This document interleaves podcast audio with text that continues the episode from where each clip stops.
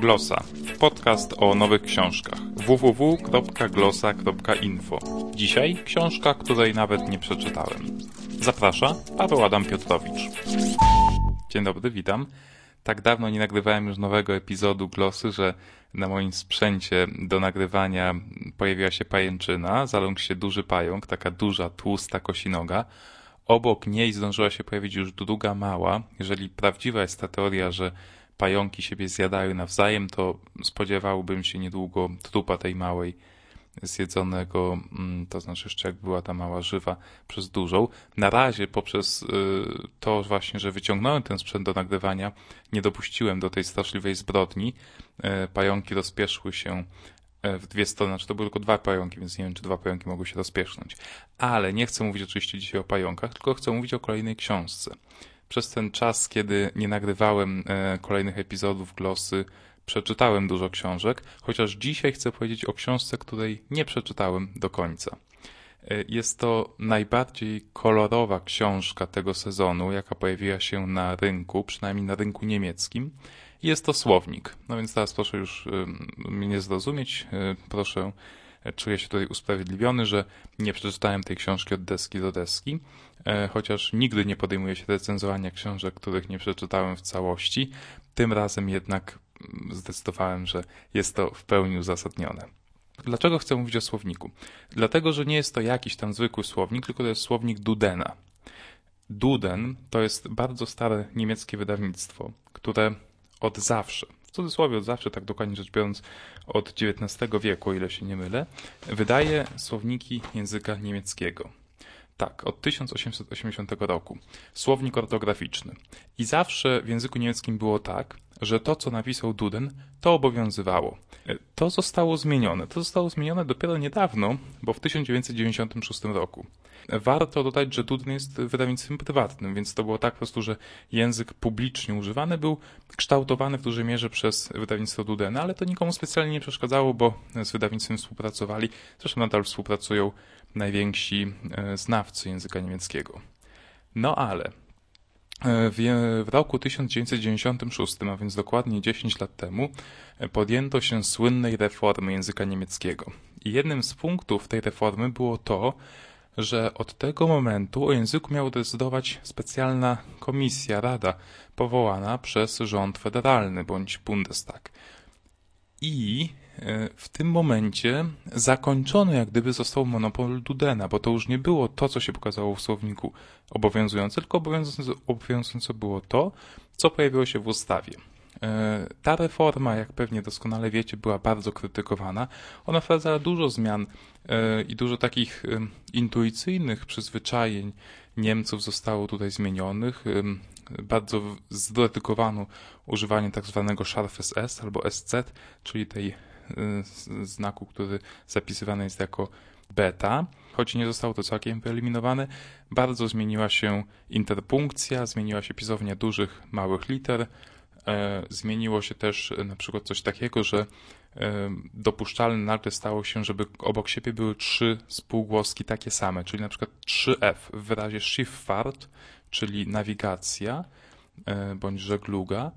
Dawniej jak gdyby były te trzy literki F pośrodku dedykowane do dwóch, bo faktycznie to jest słowo pochodzące z dwóch wyrazów, czyli schiff i fart. Schiff kończy się na 2F, no a później jest fart, który zaczyna się znowu od F. Gdy z tych dwóch wyrazów tworzył się jeden wyraz, to odrzucano jedną y, trzecią y, literkę F, u, uważano wówczas za zbędną. Teraz nowa reforma uznała, według nowej reformy, skoro mamy trzy, to zostają trzy i zapisujemy trzy. Więc takie różne rzeczy.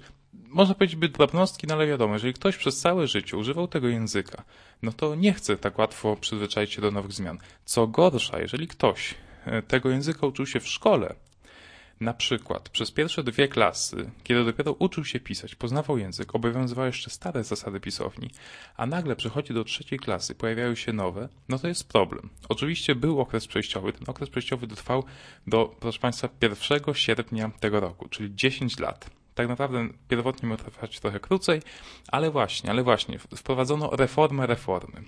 I tak... Yy, to, co obowiązuje obecnie od kilku dni, od 1 sierpnia, to jest zreformowana wersja reformy, która praktycznie polegała na tym, że przywrócono wiele starych form, ale dopuszczalnych jako druga możliwość. Czyli obecnie jest bardzo dużo wyrazów, które można pisać tak lub tak, więc język został jak gdyby bardzo poluźniony, zasady zostały poluźnione. No i teraz tak, od 1996 roku Duden nie decyduje o tym, co jest obowiązujące, a co nie. Ten słownik nie ma już takiej renomy oficjalnie. Decyduje o tym ustawa, no ale teraz ustawa od 1 sierpnia jest bardzo niejednoznaczna. I w to miejsce znowu wkroczył Duden. Wydał 24 wersję, edycję swojego e, słownika i w tej 24 wersji, e, w 24 wydaniu wprowadził właśnie to, co wspomniałem na początku, dużo kolorów. I tymi kolorami oznaczają innymi to, co się zmieniło według reformy w stosunku do tego, co było przed 96 rokiem. To jest jeden kolor, czerwony, ale też używają koloru żółtego, którym zaznaczają, co bardziej się podoba Dudenowi. Ponieważ ustawodawca dopuszcza często dwie formy możliwe, to redaktorzy Dudena mówią: używajcie tej, bo ta jest lepsza. Czyli znowu odzyskują tę pozycję istotną, dominującą na swoim, na, na rynku, który wydawało się w pewnym sensie stracili.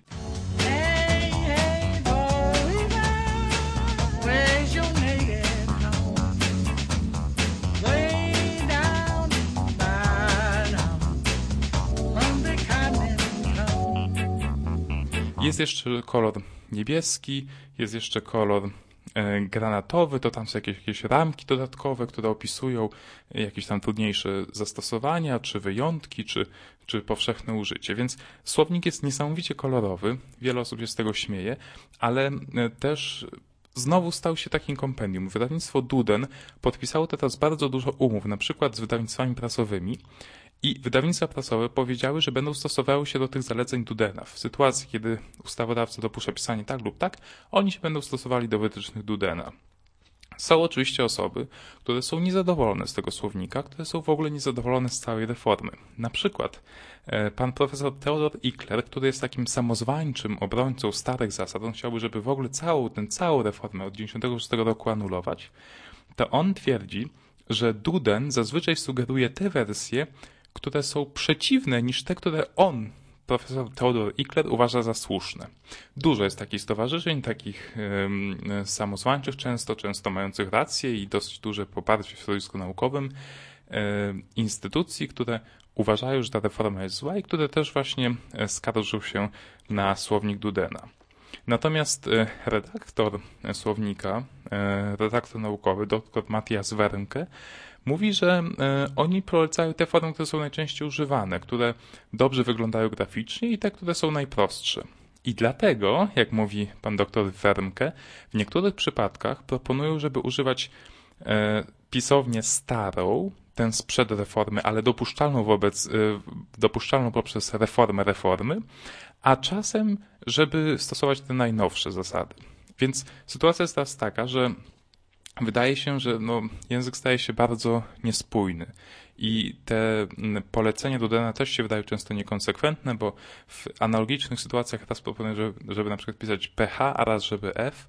E, miało być tak, że będzie dopuszczalne tylko F, ale właśnie ta reforma reformy dopuściła znowu pisanie PH tam, gdzie by się wydawało, że mogło być F.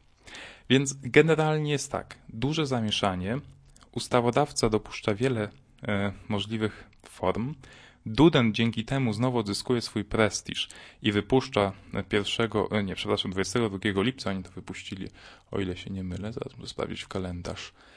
Teraz mamy sierpień, tak, 22 lipca, w sobotę była premiera 24 e, wydania Słownika Dudena i e, jednocześnie koncerny medialne przestawiają się na tę zreformowaną wersję pisowni, już reformę reformy, bo na przykład przez długie lata e, wydawnictwa Axel Springera mówiły, że one piszą według starej pisowni i faktycznie pisały według starych zasad. Dopiero teraz od 1 sierpnia e, piszą według tych nowych zreformowanych.